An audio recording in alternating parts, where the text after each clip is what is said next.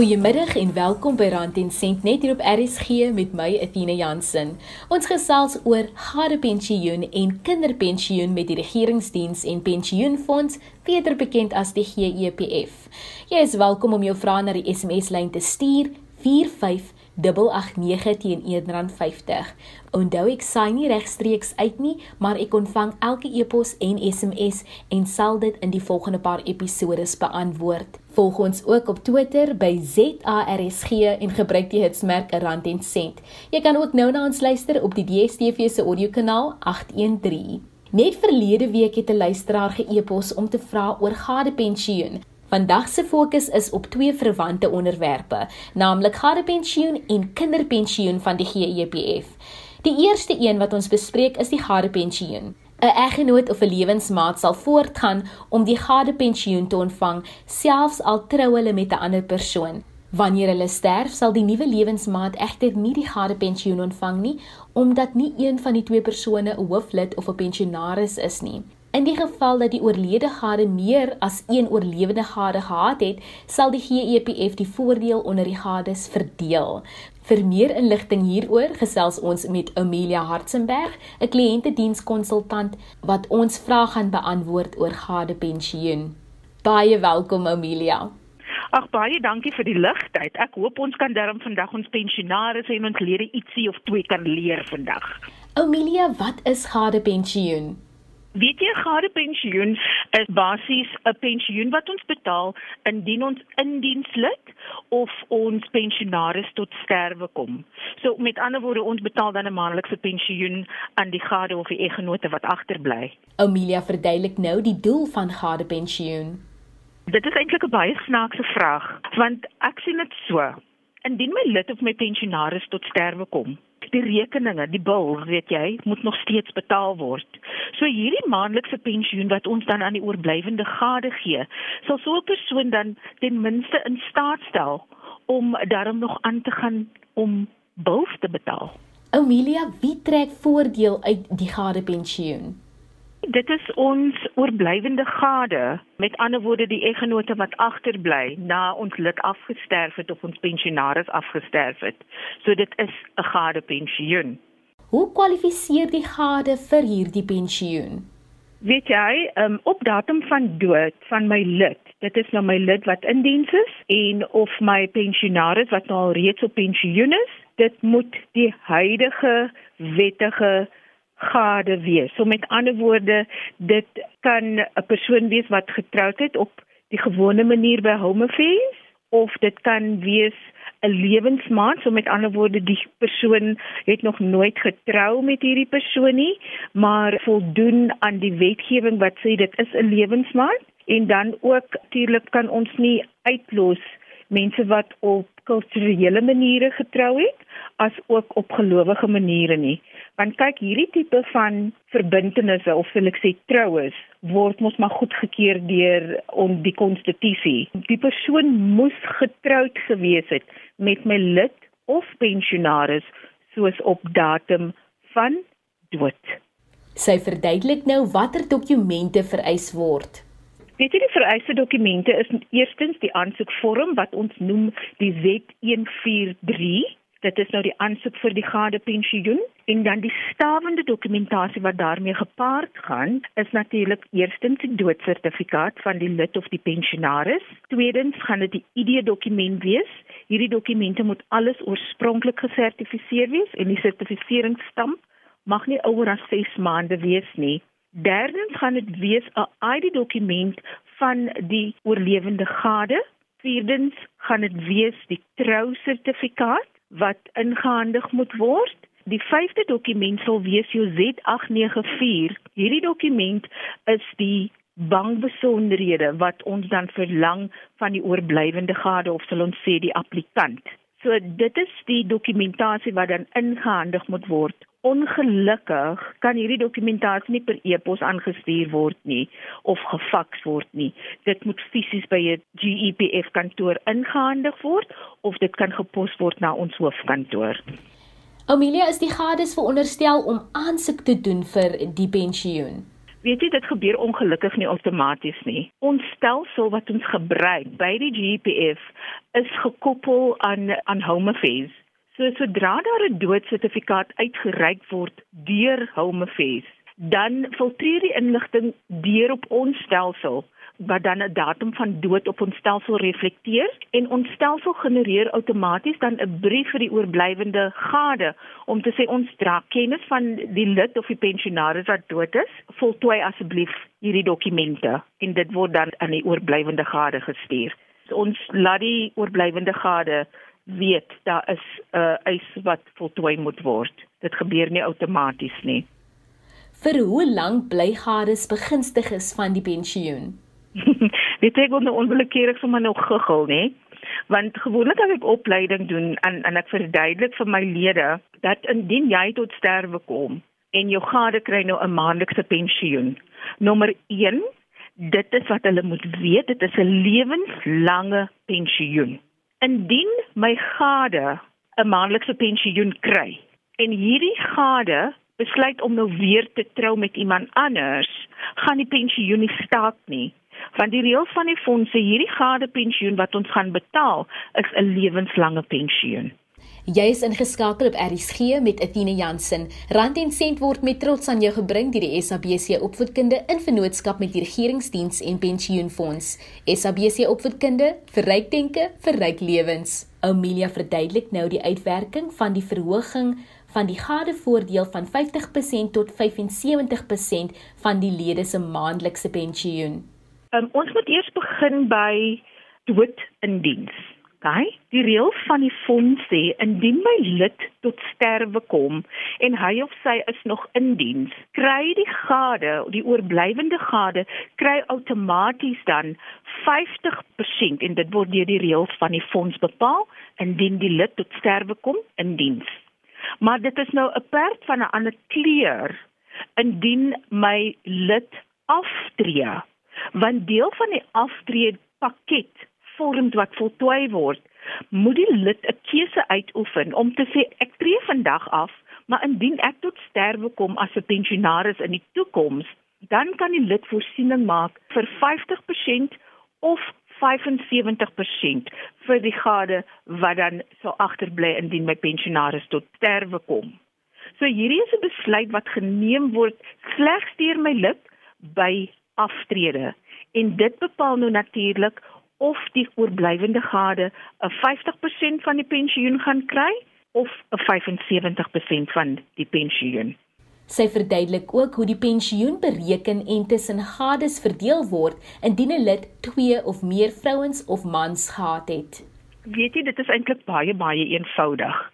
Dieselfde berekening gaan gebruik word wat vir 'n enkel uh, gade gebruik gaan word want ons kan mos nog nie meer betaal vir Jannie as Jannie vyf vrouens gehad het nie.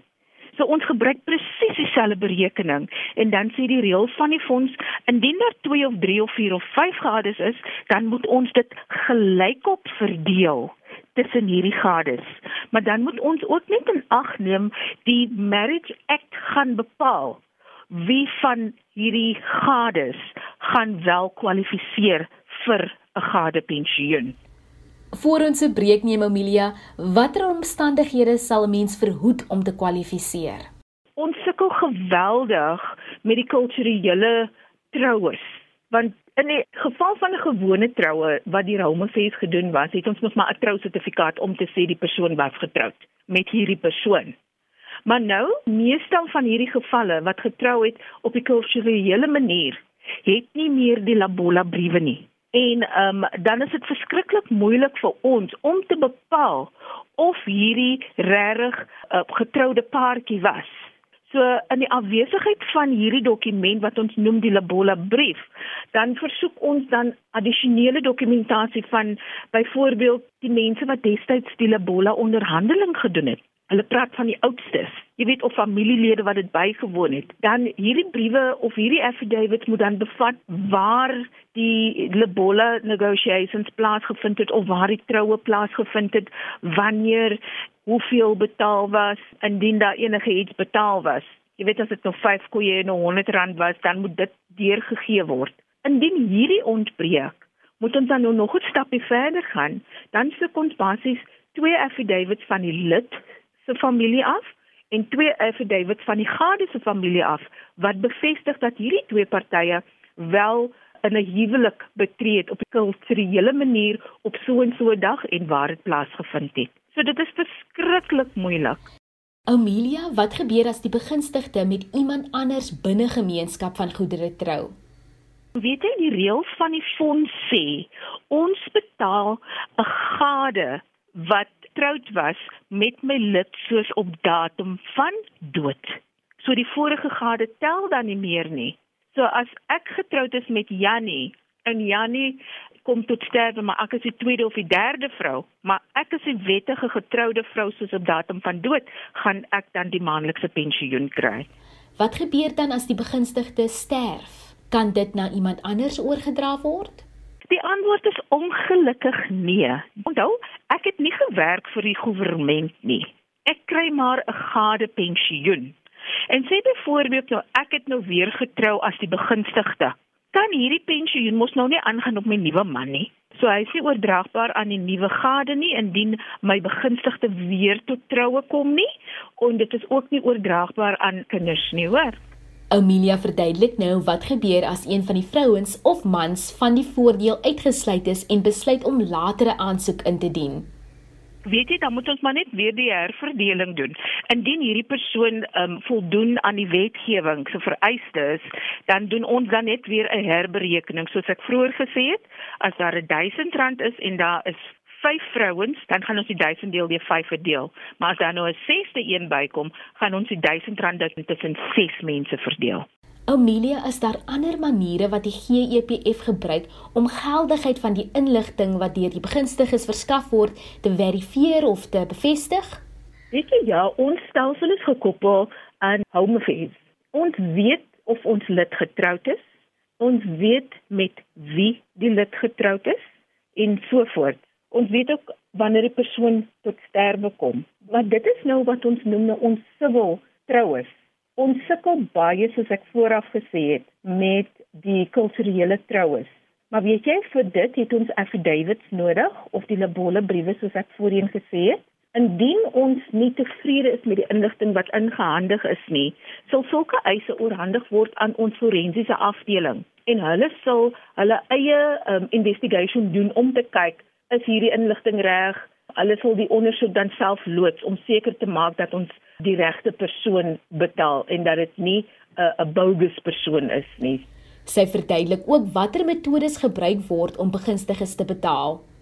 Weet jy die enigste manier hoe ons ons pensionaars kan betaal is om dit in hulle eie bankrekeninge in te betaal. Ek het so onlangs 'n geval gehad waar die oom en die tannie nog 'n uh, 'n uh, uh, gekombineerde rekening het. Ek kan onthou my ma en pa het ook altyd so 'n rekening gehad. Maar ons kan pensioene net in die applikant se eie rekening inbetaal. Ons kan dit nie in 'n derde party se rekening inbetaal nie. So dit is die enigste manier om die geld in 'n bankrekening te betaal van die applikant. Amelia, wat gebeur as 'n begunstige bejaard is of nie bevoeg is om die vorms in te vul nie? Dit kan op twee verskillende maniere gehanteer word. Eerstens, Die vorms kan deur enige persoon voltooi word solank die applikant se besonderhede daarop is. Sê nou byvoorbeeld die persoon kan nie teken nie. Dan kan die persoon se duim afdruk op die blokkies kom waar die persoon was veronderstel om te geteken het. En dan moet twee getuies langs die duim afdruk vir ons net teken as getuies. So dan op elke bladsy waar daar 'n handtekening veronderstel is om te wees, kan hierdie proses gevolg word. Maar dan kry jy ook ander tipe gevalle waar die persoon nie bevoeg is om met geld te werk veronderstel nie. Wat in so 'n geval gebeur is dat iemand dan aansoek doen om kuratorskap by die hof om namens hierdie lid op te tree en dokumentasie te voltooi namens die lid. Maar ongelukkig moet dit deur die hofprosedure um goedgekeur word om as 'n kurator aangedui te word vir so 'n persoon.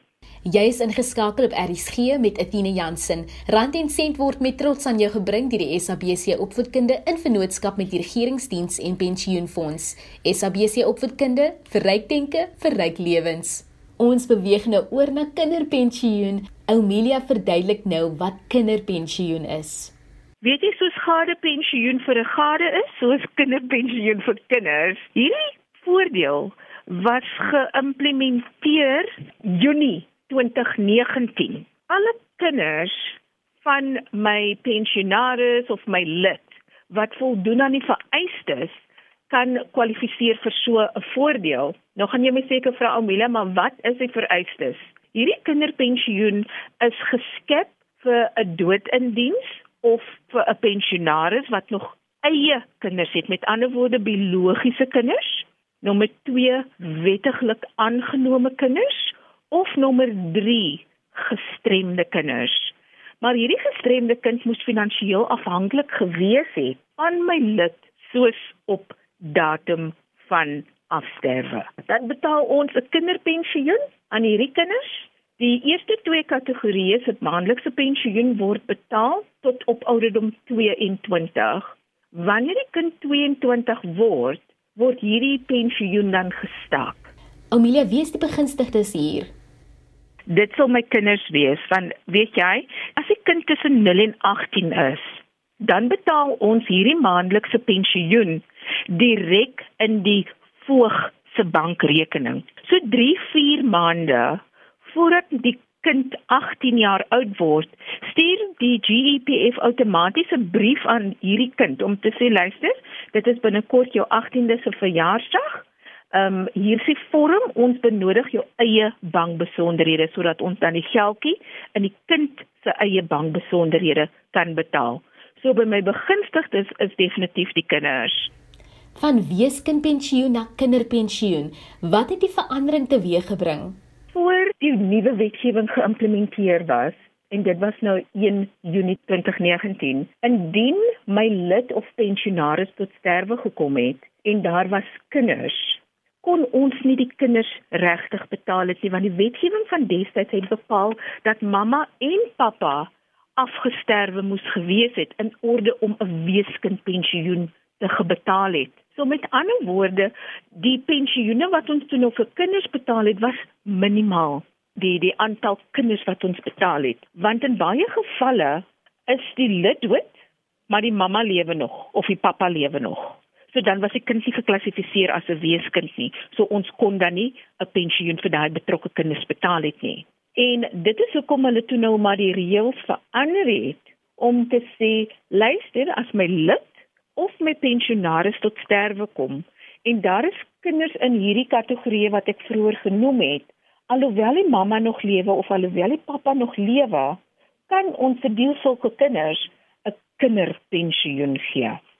So dit is basies die groot groot verskil tussen kinderpensioen en 'n uh, weeskindpensioen en hoekom hulle dit teweeggebring het. Amelia verduidelik nou wat met die bestaande weeskind wat voordeel trek uit die weeskindpensioen gebeur. Kyk, voor die nuwe reël geïmplementeer was, kan 'n mens eintlik sê ons het 'n soort van 'n blanket approach gehad. Indien daar weeskinders was, dit maak nie saak watter watter 'n uh, uh, getal weeskinders daar was nie. Sien nou ek het 5 kinders gehad vir argumente onthaalwe. Dan het die reël van destyds gesê dat daai kind of kinders moet 10% kry van wat die lid sou gekry het indien die lid sou afgetree het op datum van dood. So met ander woorde, die berekening wat ons gebruik sou gebruik het vir aftrede 1 oor 55 maal jou pensioengewende diensjare maal jou gemiddelde salarisskaal van die laaste 2 jaar. Ons sal hierdie berekening gebruik het en as hierdie berekening gesê het R1000 vir argumentsonthaalwe. Het die reëls van die fonds gesê dit is wat my lid sou gekry het indien hy sou afgetree het op datum van dood dan gaan die kind 10% van daai bedrag kry. So dit is basies die reëls van die fonds gewees. En hierdie kinders wat nou in ontvangs was van 'n kinderpensioen, het outomaties oorgeskakel na die nuwe wetgewing. En die nuwe wetgewing word basies bepaal deur hoeveel kinders daar is. Die persentasie word dan gebruik. Ek gaan nou net na die persentasies verwys. Dit gaan ook afhang of daar 'n gade is al dan nie wat in ontvang is van 'n gade pensioen. So byvoorbeeld, as daar een kind is en daar is 'n gade, gaan die gade 'n gade pensioen kry en dan gaan die een kind 25% kry van wat die lid sou gekry het indien nou sou afgetree het op datum van dood. Indien daar twee kinders is, gaan al twee kinders ook 25% kry. Maar die oomblik dat drie kinders is met 'n gade, gaan daai persentasie daal na 16.67%. En as daar 'n vierde kind bykom, gaan dit ook weer daal. En so kan ek aangaan en aangaan. Dan is die laagste persentasie 10% wat ons ook weer kan gee. Amelia, wat gebeur in die geval waar 'n lid of pensionaris gesterf het voor die datum waarop die nuwe reëls in werking getree het? Weet jy ongelukkig dan geld die ou reëls. Kom ons noem dit ou reëls. As daar 'n gade is, 'n mamma of 'n pappa wat nog lewe, dan kan ons nie 'n kinderpensioen betaal nie, want die wetgewing van destyds gaan bepaal of daar 'n pensioen gaan betaal word al dan nie. Amelia, wat gebeur met die oorblywende geld? Weet jy, ek moet seker eerstens begin om te sê dat die kinderpensioen en die gadepensioen 'n nie bydraende fonds is nie of 'n nie bydraende voordeel is nie. So met ander woorde, wanneer sê die kind nou miskien ouderdom van 22 bereik, stop die pensioen, dit staak. Want onthou, dit word uit die sakke van die GEPF uitbetaal. So daar is nie regtig 'n oorblywende voordeel nie, want die reël van die fonds bepaal tot wanneer toe hierdie maandelikse pensioen betaal moet word aan 'n kind. So ook vir 'n gade, die reël van die fonds bepaal tot op datum van dood vir 'n gade wat ons 'n gade pensioen voorbetaal. Daar is nie 'n reminder nie, want die reëls van die fonds bepaal wanneer die pensioen gaan stop. Wat gebeur met gestremde kinders?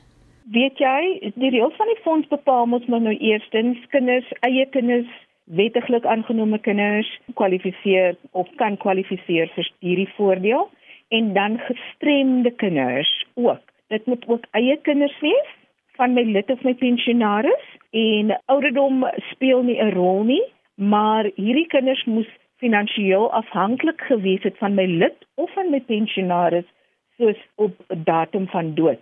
So die addisionele dokument wat ons daar gaan benodig is 'n bewys van 'n dokter of van 'n hospitaal dat hierdie kind wel gestremd is. 'n soort van 'n affidavit om te sê die kind was finansiëel afhanklik van my lid of van my pensionaris is op datum van dood. Pensioen word dan kan ook dan lewenslank aan hierdie gestremde kind betaal word. Waarom is ouderdom nie 'n faktor in hierdie verband nie?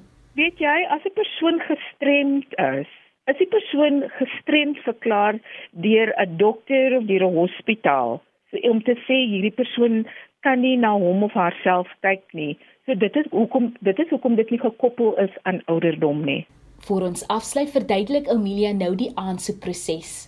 Weet jy, kom ons begin eers weer eens by 'n lid in diens. Hierdie aansoek word gewoonlik saam met die doodseis waar jy ons PCN stelsel aan die fonds oorgedra. So 'n lid in diens, al die dokumentasie word dan basies by die personeelkantoor van waar die persoon werksaam was ingehandig en ons prosesseer dit dan. Maar wanneer dit 'n pensionaris is, hy mos nou nie meer 'n werkgewer nie. Kom die familie gewoonlik tot by ons instapdienssentrums om hierdie dokumentasie in te handig. Hierdie dokumente is gewoonlik maar nou die aansoekvorm wat die CHB1 is, gepaard met hierdie dokumentasie afhangende of dit nou 'n minderjarige kind en of die kind ouer as 18 is, hang dit nou af wie die vorm gaan voltooi. Maar kom ons breek dit ook bietjie verder op en ons sê dit is 'n minderjarige kind.